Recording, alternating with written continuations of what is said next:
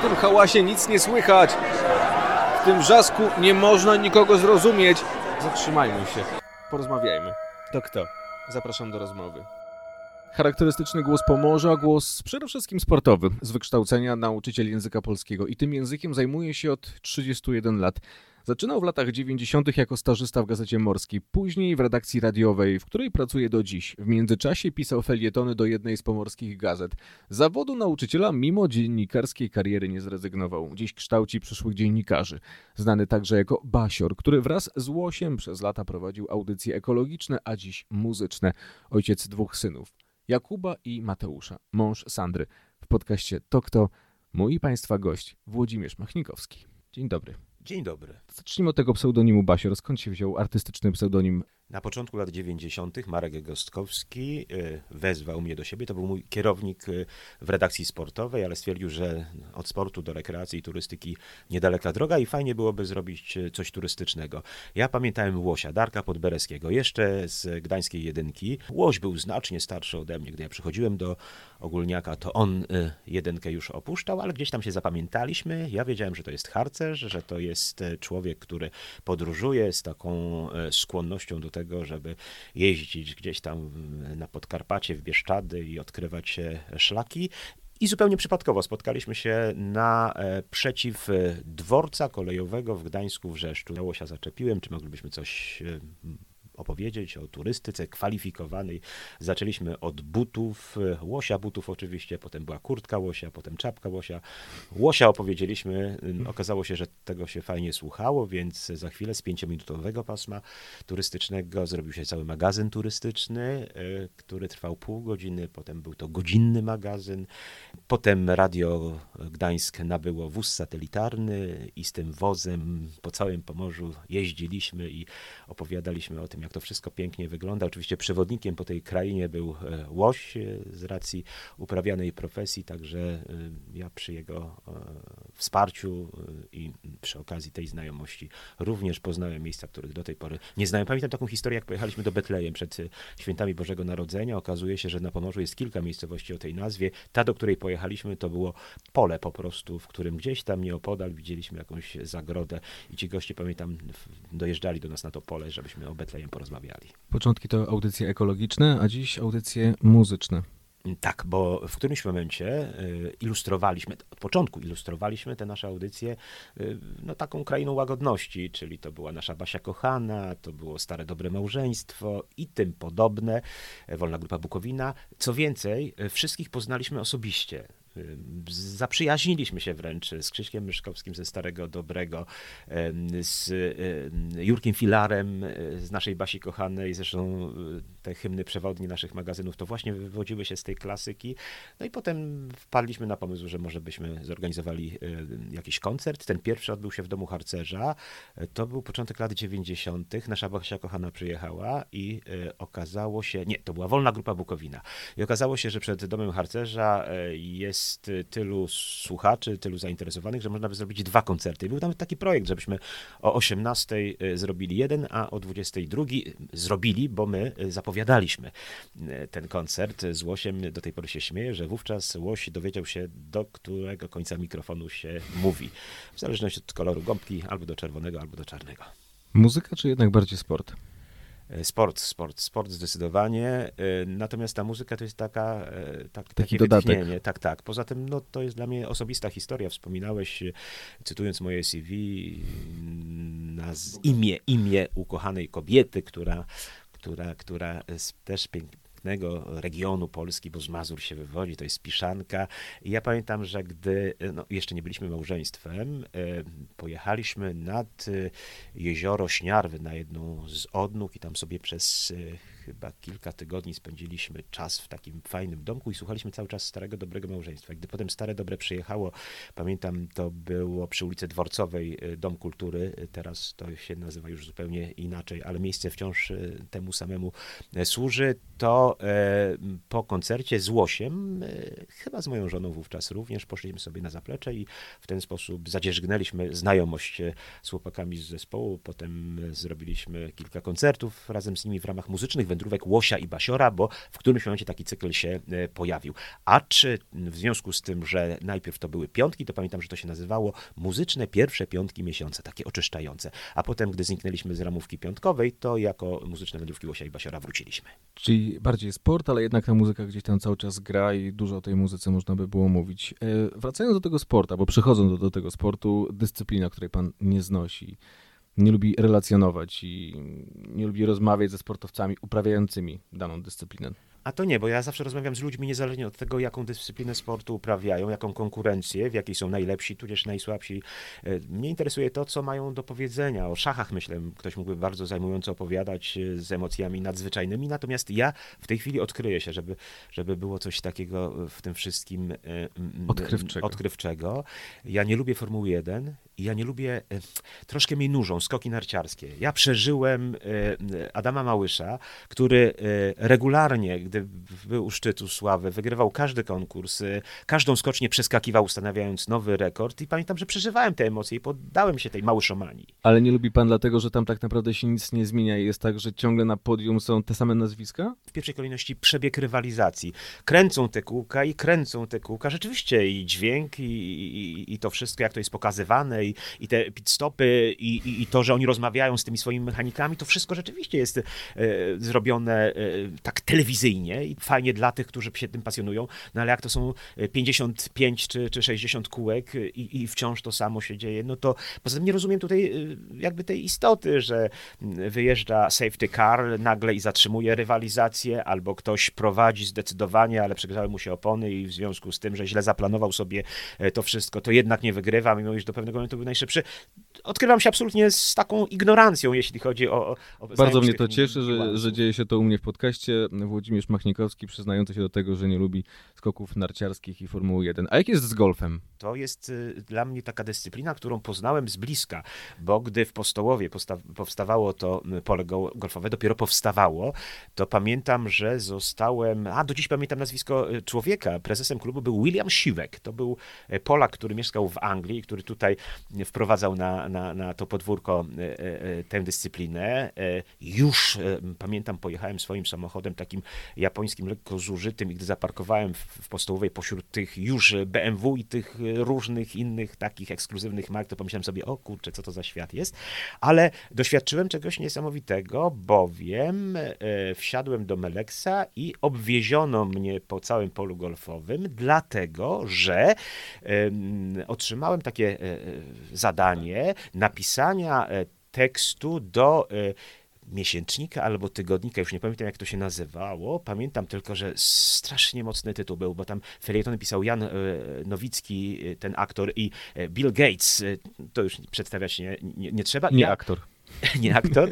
I ja pamiętam, że pisałem duży artykuł, olbrzymi artykuł na temat golfa, który właśnie w Polsce zaczął raczkować. Także takie doświadczenia. Czyli już wiemy, czego pan nie lubi, a ulubiona dyscyplina ulubiona. No ja najwięcej czasu spędziłem e, przy, w, obok, pomiędzy koszykówki. Ja trafiłem, miałem szczęście trafić na złote lata e, trójmiejskiej koszykówki. E, projekt nazywał się najpierw Trefl, potem Prokom Trefl, potem Aseko Prokom. Wiadomo, chodzi o mistrzowską e, drużynę koszykarzy, ale także Fota Porta, e, Lotos PKO BP, Gdynia, Basket Gdynia, Basket 90 Gdynia to z kolei projekt żeński. No i e, ja pamiętam, że z Kazimierzem Wierzbickim w roku 1996 jechałem po awans Trefla do Ostrowa. niezapomniane przeżycia. Zostałem obrzucony bateryjkami przez miejscowych kibiców, ale mecz wygraliśmy, awansowaliśmy do Ekstraklasy i w tej Ekstraklasie pozostajemy do dziś. E, mówię e, w pierwszej osobie liczby mnogiej, bo czuję się współudziałowcem tego sukcesu, a w 96 roku jechałem po pierwszy tytuł mistrzowski z koszykarkami do e, Łodzi. Warta, tak się nazywał ten projekt zorganizowany przez Mieczysława Krawczyka. Niesamowite historie. Nagle okazuje się, że mecz będzie powtórzony, bo jeden z koszy jest niżej zawieszony o 4 cm i to na oko ocenił Aleksander Siwierow, drugi trener naszej drużyny. Niesamowite historie, ale potem jeszcze jeszcze taka, taki bonus w postaci te, tego, że mogłem objechać z drużyną Prokomu Trefl cały świat tak naprawdę, od Tel Awiwu na południe licząc.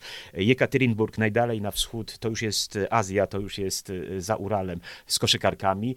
Na lewo to chyba Urenze było, czyli to jest taka miejscowość w Hiszpanii, 80 km od Porto, czyli już od Portugalii.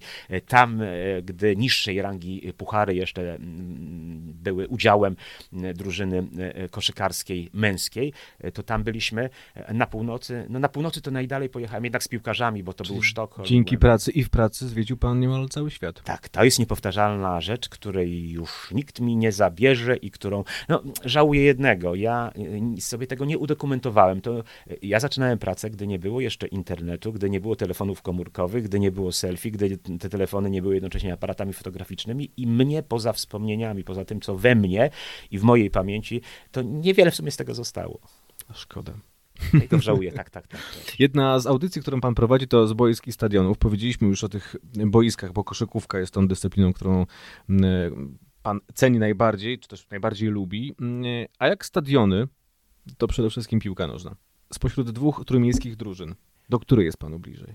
Czy ja jestem chłopak e, z Wrzeszcza od pewnego czasu, znaczy jestem chłopak z Pszczółek i moja drużyna nazywała się Potok Pszczółki i wychowankiem e, tej drużyny poniekąd był Zbyszek I tutaj jestem ciekawy, jak z tego Włodzimierz Machnikowski wybrnie. No bo postawione pytanie jest absolutnie w taki sposób, że jako e, dziennikarz nie jestem w stanie odpowiedzieć, że tu lub tu, natomiast powiem, jak jestem postrzegany.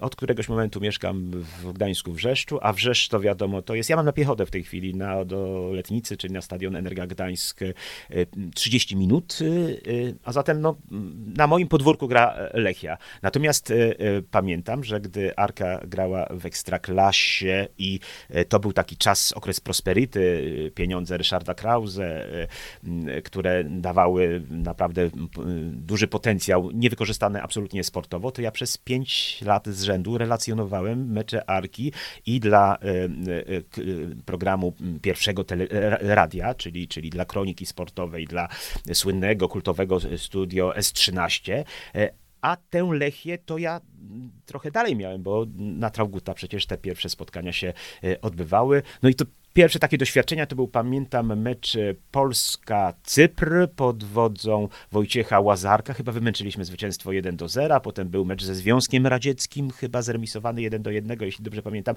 a potem, a potem to już były na przykład grudniowe mecze Lechii Gdańsk, kiedy było minus 14 stopni i, i, i, już wówczas dla radia relacjonowałem przebieg tych spotkań. Co ciekawe, e, fajny obrazek jest na Trauguta. Ale próbuję wybrać, nie powie. Bo tam są takie krzesełka z naszymi nazwiskami jeszcze dziennikarzy, którzy kiedyś tam obsługiwaliśmy to. E, to znaczy, ja uważam, że tak, w moim interesie dziennikarza jest to, żeby w najwyższej klasie rozgrywkowej grała Lechia i Arka, bo wtedy mam derby, a jak mam derby, to mam chleb, bo atrakcyjne I co wydarzenie mówić? sportowe. E, ja życzę jednym i drugim dobrze. O inne cele zupełnie grają, bo Lechia z tym potencjałem, z tym budżetem, z tym, gdzie się wpisywała i sytuowała w historii polskiej piłki nożnej, to jest drużyna, która no, o jeden e, niewygrany mecz od mistrza była całkiem niedawno. Relacjonowałem zresztą przebieg meczu e, z, z Łazienkowskiej z Warszawy, gdzie wystarczyło wygrać, strzelić jednego gola. E, bylibyśmy mistrzami Polski. A z Arką? No a z Arką zażarty bój o utrzymanie w lidze po to, żeby można być świadkiem, uczestnikiem derbowego meczu. Cofnijmy się do 1982 roku. Wtedy to był ten okres, kiedy trzeba było wybrać studia. Dlaczego akurat polonistyka? No dlatego, że dosyć przypadkowo chyba mimo wszystko znalazłem się w klasie humanistycznej e, gdańskiej jedynki. To była taka sytuacja, że mój starszy brat y, był y, matematykiem i mm, w jedynce powstała klasa tak zwana uniwersytecka, gotwaldowska, różnie ją nazywano, supermatematyczna generalnie. No i y, w związku z tym, że on do tej klasy się dostał, to mógł pominąć rejon, a naszym rejonem z perspektywy pszczółek to był Pruszcz Gdański. I po to, żeby uniknąć pójścia do Pruszcza Gdańskiego, do miejscowego ogólniaka, do którego nic nie mam, bo, bo, bo a nie, potem byłem jeszcze tam na praktyce, bo chciałem powiedzieć, że nic wspólnego nie miałem. Nie, byłem tam na praktyce już jako y, student, to musiałem wybrać taki profil klasy, której nie było w rejonie. A że nie było klasy humanistycznej, to wybrałem się y, do humanki. Nie żałuję, bo, bo, bo trafiłem na, na, na bardzo interesującą polonistkę, ale w tym momencie odciąłem sobie możliwość pójścia na medycynę, pójścia na politechnikę. Zresztą, na modne prawo. Na modne Teraz prawo. modne prawo. Tak, tak, tak, tak. No próbowaliśmy potem z żoną syna przekonać do tego. Miał niezłą maturę przed y, czterema, pięcioma laty. Tak to było. E, sugerowaliśmy mu, że może prawo. Chyba na szczęście znalazł się 150 miejsc pod kreską. Później, e, pan już o tym wspomniał, była praktyka w szkole. Później była praca w, właśnie w charakterze nauczyciela języka polskiego? Znaczy ja najpierw miałem bardzo intratny e, zawód student. E, za moich czasów zarabiało się potężne pieniądze, myjąc okna, malując wysokie konstrukcje i tak dalej, i tak. Więc jak kończąc studia, miałem tyle pieniędzy, że nie musiałem iść do pracy, bo one gdzieś tam się odłożyły przez te lata y, studiów, więc stałem się prywatnym nauczycielem, udzielałem korepetycji. E, no ale w którymś momencie stwierdziłem, że trzeba wziąć się za życie, bo nie można tego, co być może wtedy na pewno wystarczało na samochód, a być może wystarczało na kawalerkę, tylko że człowiek jeszcze wtedy nie myślał o tym, żeby inwestować e, w przyszłość. Zdecydowałem, że e, pójdę do szkoły. Pojechałem do kuratorium do Gdańska, i e, na chyba 92 wówczas e, szkoły, które tam e, figurowały, to bodaj 20 poszukiwało nauczyciela języka polskiego. Nie było z tym żadnego problemu. Ja wybrałem sobie szkołę podstawową numer 17, tak przypadkowo wtedy, blisko radia. Tak blisko, że jeszcze pracując w szkole i już pracując w radiu, na dużych przerwach robiłem serwisy sportowe przebiegałem po prostu ze szkoły, to było tam ze, ze 300 metrów. No i powiem szczerze, że, że tak, że ja w bólach po sześciu latach pracy w charakterze e, nauczyciela języka polskiego odchodziłem ze szkoły, bo czułem, że to jest coś fajnego. I gdy poszedłem do, do pani dyrektor i powiedziałem, no niestety muszę wybrać, jednak zostanę dziennikarzem, to ona e, zapytała mnie, ale co, nie da się tego pogodzić? Poinformowałem, że o 9.20 mam kolegia i muszę być już w pracy, a wtedy dzwonki były o 7.45 na pierwszą lekcję, więc jeszcze przez jeden rok pani dyrektor zrobiła mi pół etatu od 7.45 dwie lekcje. To kiedy był ten staż w Gazecie Morskiej? Równolegle mi się wszystko działo, bo jak wiadomo, Gazeta Morska powstała w pamiętnym roku 1989. E, e, Leszek Biernacki, znajomy z polonistyki, był wówczas e, szefem. To wszystko raczkowało.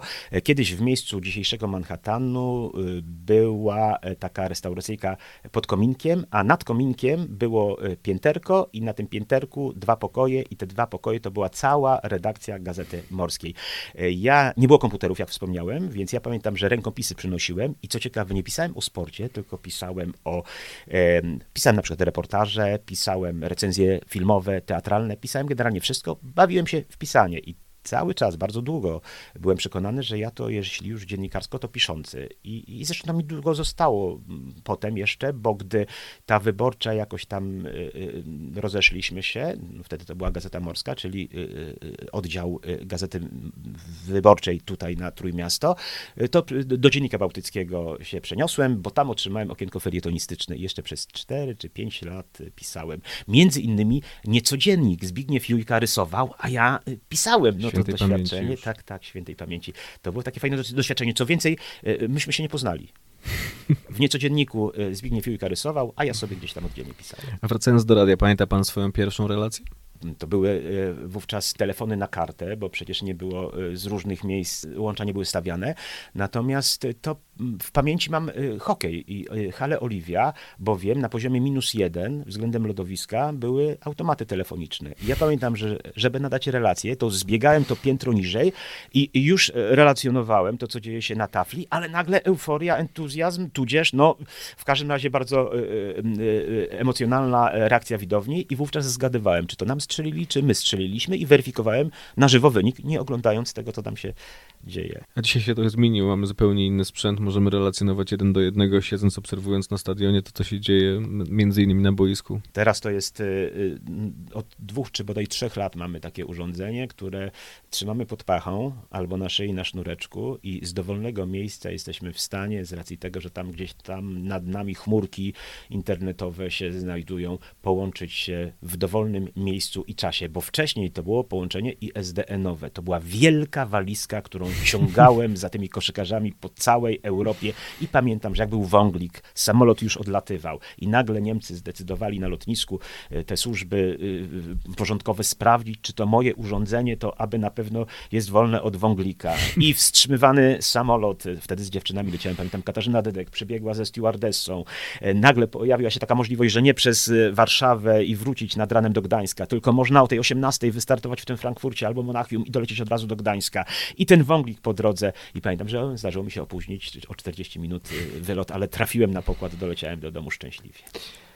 Zawód dziennikarza w Pana przypadku to no przede wszystkim nie tylko te relacje, o których Pan wspomina, ale to także, czy może też przede wszystkim rozmowy. Pamięta Pan najtrudniejszą rozmowę w swojej zawodowej karierze?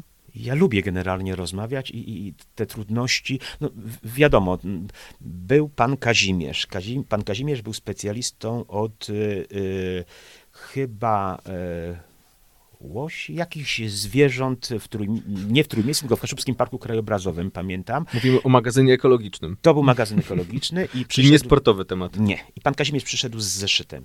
I ja mówię, że tutaj będziemy rozmawiali, gdzieś tam sobie jakieś historie popowiadamy, anegdoty. Pan, panie leśniczy, panie Kazimierzu, pan to wszystko wie. A on mówi, a tam wiem, ja mam to wszystko napisane. Więc pierwszą rzeczą, jaką zrobiłem, to y, musiałem pozbawić pana Kazimierza tego brulionu zapisanego. Ściągawki. Tak, tej ściągawki. Spłoszony, powiedział, ale to w takim razie nie wiem, o czym będziemy sobie, sobie tutaj rozmawiali. No i okazało się, że było o czym rozmawiać, y, bo y, chodzi o anegdotę. Mięsem dziennikarskim jest to, gdy odpowiada ktoś historię, która stała się jego udziałem, y, którą, o której słyszał, nie wiem, od dziada, pradziada. Natomiast też pamiętam bardzo y, trudną taką rozmowę ze świętej pamięci Andrzejem Grubą. Mówiło się, to była taka, wszyscy mieliśmy nadzieję, że to plotka, że Andrzej jest y, chory, ciężko chory.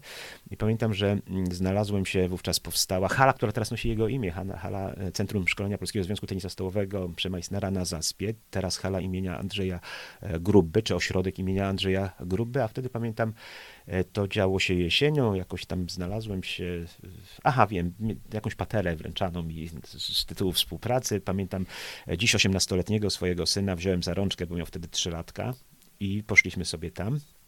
I pamiętam, że za stołem prezydialnym siedział Andrzej Gruba, którego poznałem dużo, dużo wcześniej. To były początki mojej pracy w połowie lat 90. Pamiętam w Cetniewie Międzynarodowe Mistrzostwa Polski. Ja tam byłem takim troszeczkę mistrzem ceremonii, ogłaszałem, kto zostaje mistrzem, jaki medal zdobywa.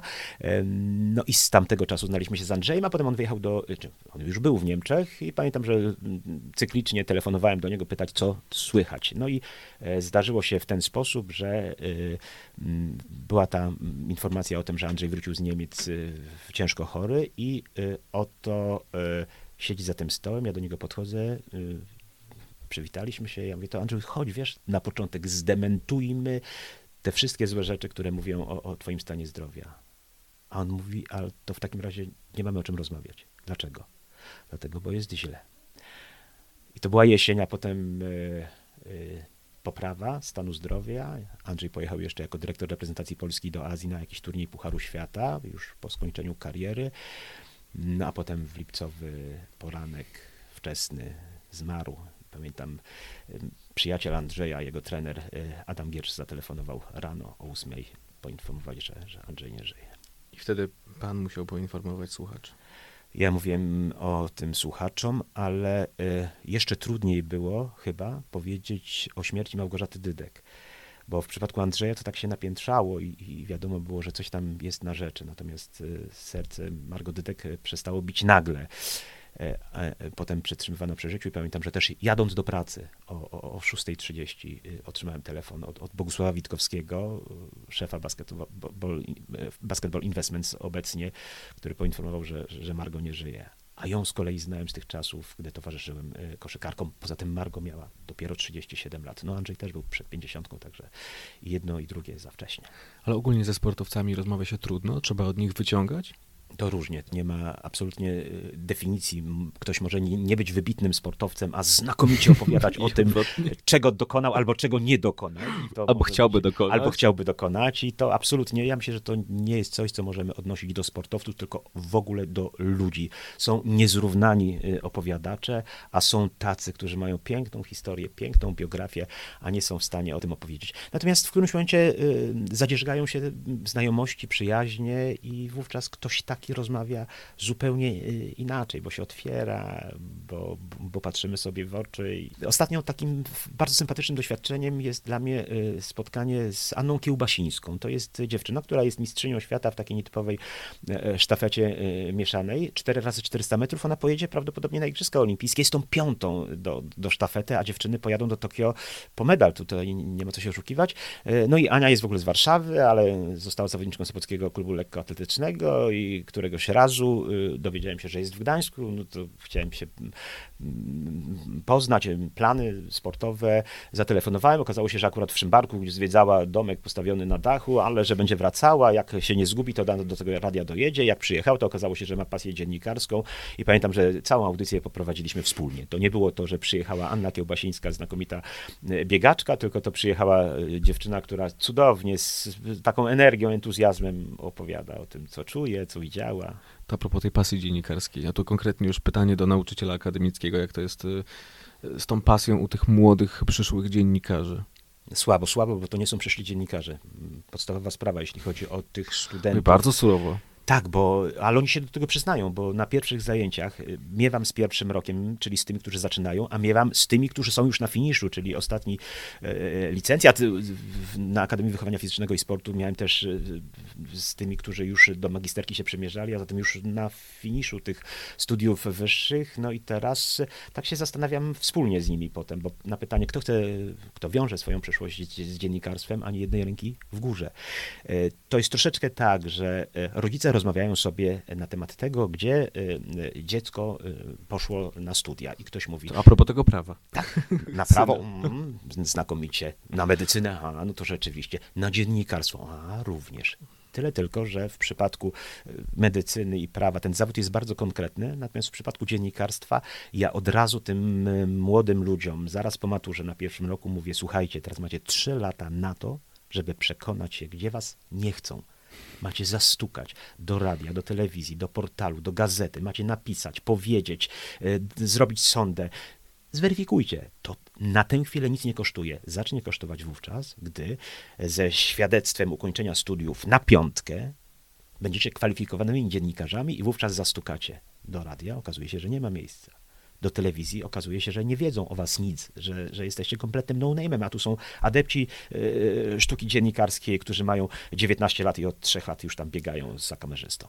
Czyli można przyjąć taką tezę, że zostało was, dziennikarzy sportowych, znających niemalże wszystkie nazwiska, zostało was coraz mniej.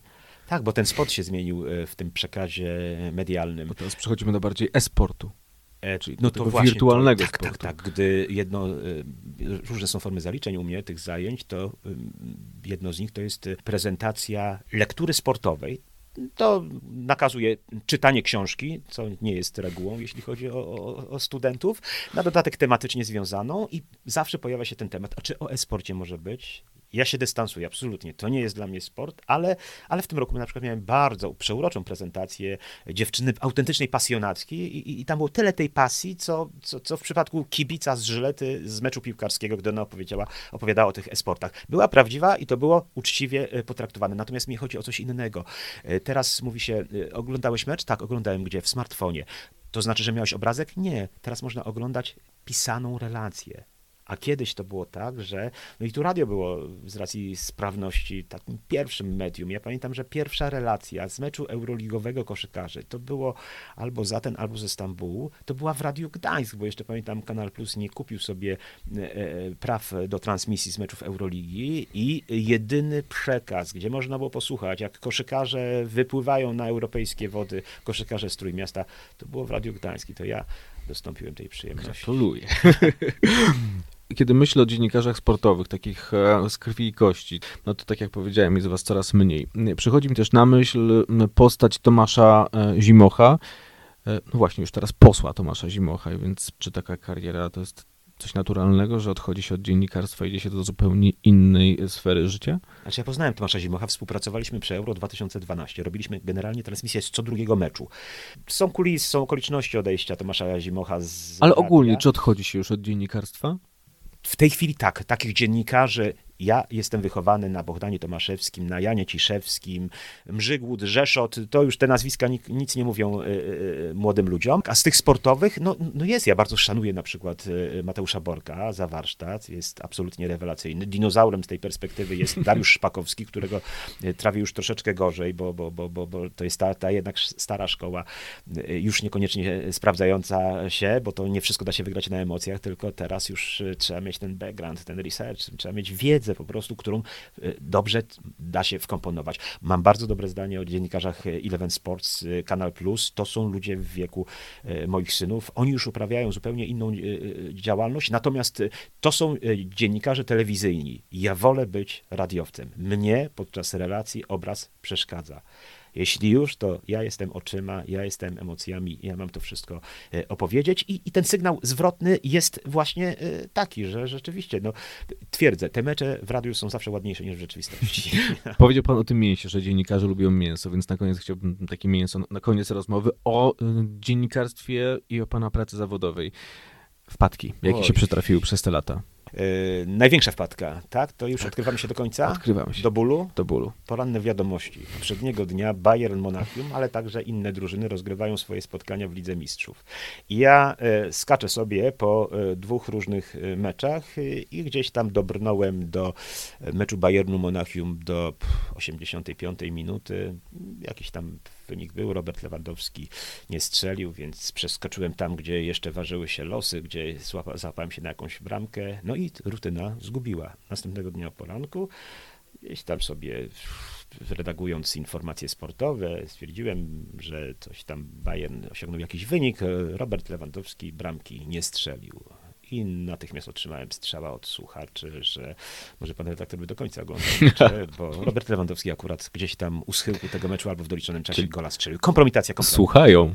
Tak, słuchają, punktują i nie znają e, litości. Nie mówię o takich e, przejęzyczeniach, jak e, to, że na przykład drużyna koszykarska z Radomia nazywała się Rosa Radom, a ja byłem wychowany na piłkarskiej broni Radom, więc zanim właściwie zaskoczyłem i konsekwentnie na pełnym skupieniu zawsze nazywałem koszykarską e, drużynę e, z Radomia Rosa, to zdarzyło mi się jeszcze kilka razy nazwać ją e, bronią Radom.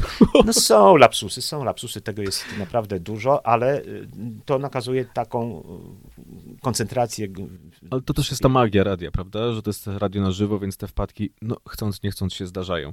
Jest radio, jest sport, jest muzyka, o której mówiliśmy, jest szkoła wyższa i studenci, a w tym wszystkim jest czas na spacer, rozrywkę, hobby. Rower, rower. Żona kupiła mi rower. I był wypadek rowerowy. Był ciężki wypadek rowerowy, to znaczy jak ciężki, to nie wiem, bo y, bez świadomości jakoś dotarłem do, do, do domu, a potem odtwarzałem sobie historie, które, które miały miejsce. Dlatego y, polecam wszystkim y, kaski.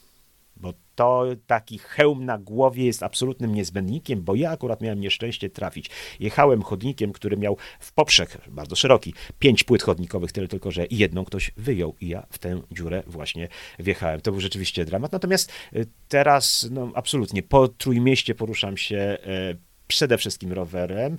Do pracy y, piechotą mam 20 minut, y, rowerem 7 minut, y, w godzinach szczytu samochodem tę samą trasę pokonuję 40 minut, więc to jest odpowiedź na to, że warto. No i jeżdżę, jeżdżę po 2000 rocznie, po 2,5 tysiąca kilometrów rocznie, także lubię to. Na koniec, jakim jest pan ojcem? E, Bardzo zaangażowanym. Pewnie za chwileczkę będę odtwarzał ścieżkę, bowiem starszy syn ma już 20, no wkrótce 24 lata. E, I... Też taka ścieżka jest prawnicza gdzieś tam w głowie? Nie, nie, on już jest y, no, korporacja na początek. Y, Zgodnie y, z mm, sugestią rodziców wybrał sobie takie kierunki, które porzucił. Na szczęście porzucał tylko po pierwszym roku. Na prawo wspomniałem się nie dostał, ekonomię podjął, a potem, a potem zakochał się w dziewczynie. Ta dziewczyna mówiła po niemiecku. Ja nawet nie wiedziałem, że mój syn też jest w stanie nauczyć się po niemiecku. W związku z tym skończył germanistykę biznesową od samego To początku. dla zna- kobiety. tak to wygląda. To mi się bardzo podoba, bo to dla kobiety wszystko robimy, bo my jesteśmy takimi e, rycerzami. E, I, i, I w związku z tym, że od małego pilnowaliśmy, żeby mówił po angielsku, e, dwa języki dają w tej chwili absolutny komfort w wyborze e, pracy. E, ma tyle pieniążków, jak na, na razie jak na kieszonkowe, bo, bo, bo wciąż mieszka z nami, to jest wystarczająco dużo, żeby żyć w większym komforcie niż jego rodzice.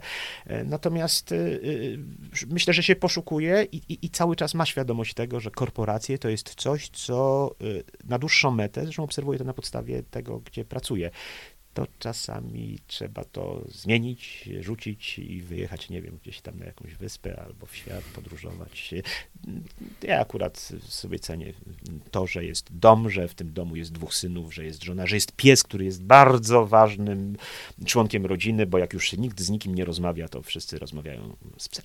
Jak żona Sandra Machnikowska podchodzi do dziennikarza sportowego, którego nie ma większości czasu w domu, tylko jest albo w studiu prowadząc program, albo jest na stadionie relacjonując najważniejsze wydarzenia sportowe. Co więcej, te wydarzenia sportowe są najczęściej w weekendy, gdy e, rodziny idą na spacery, jedzą wspólnie obiady, to ja gdzieś tam biegam po meczach. Ciężko, ciężko od samego początku, ale pamiętam, że gdy zaczynałem pracę dziennikarską, to moja żona, pamiętam, była w ciąży i, i miała, kazała sobie przynieść radyjko, żeby słuchać wiadomości, być może dlatego, żeby monitorować też co mąż robi i czy rzeczywiście chodzi do pracy. Natomiast w tej chwili y, przeszliśmy taki etap, kiedy y, praca y, bywała wrogiem bo to w konsekwencji tych, tych nieobecności w weekendy.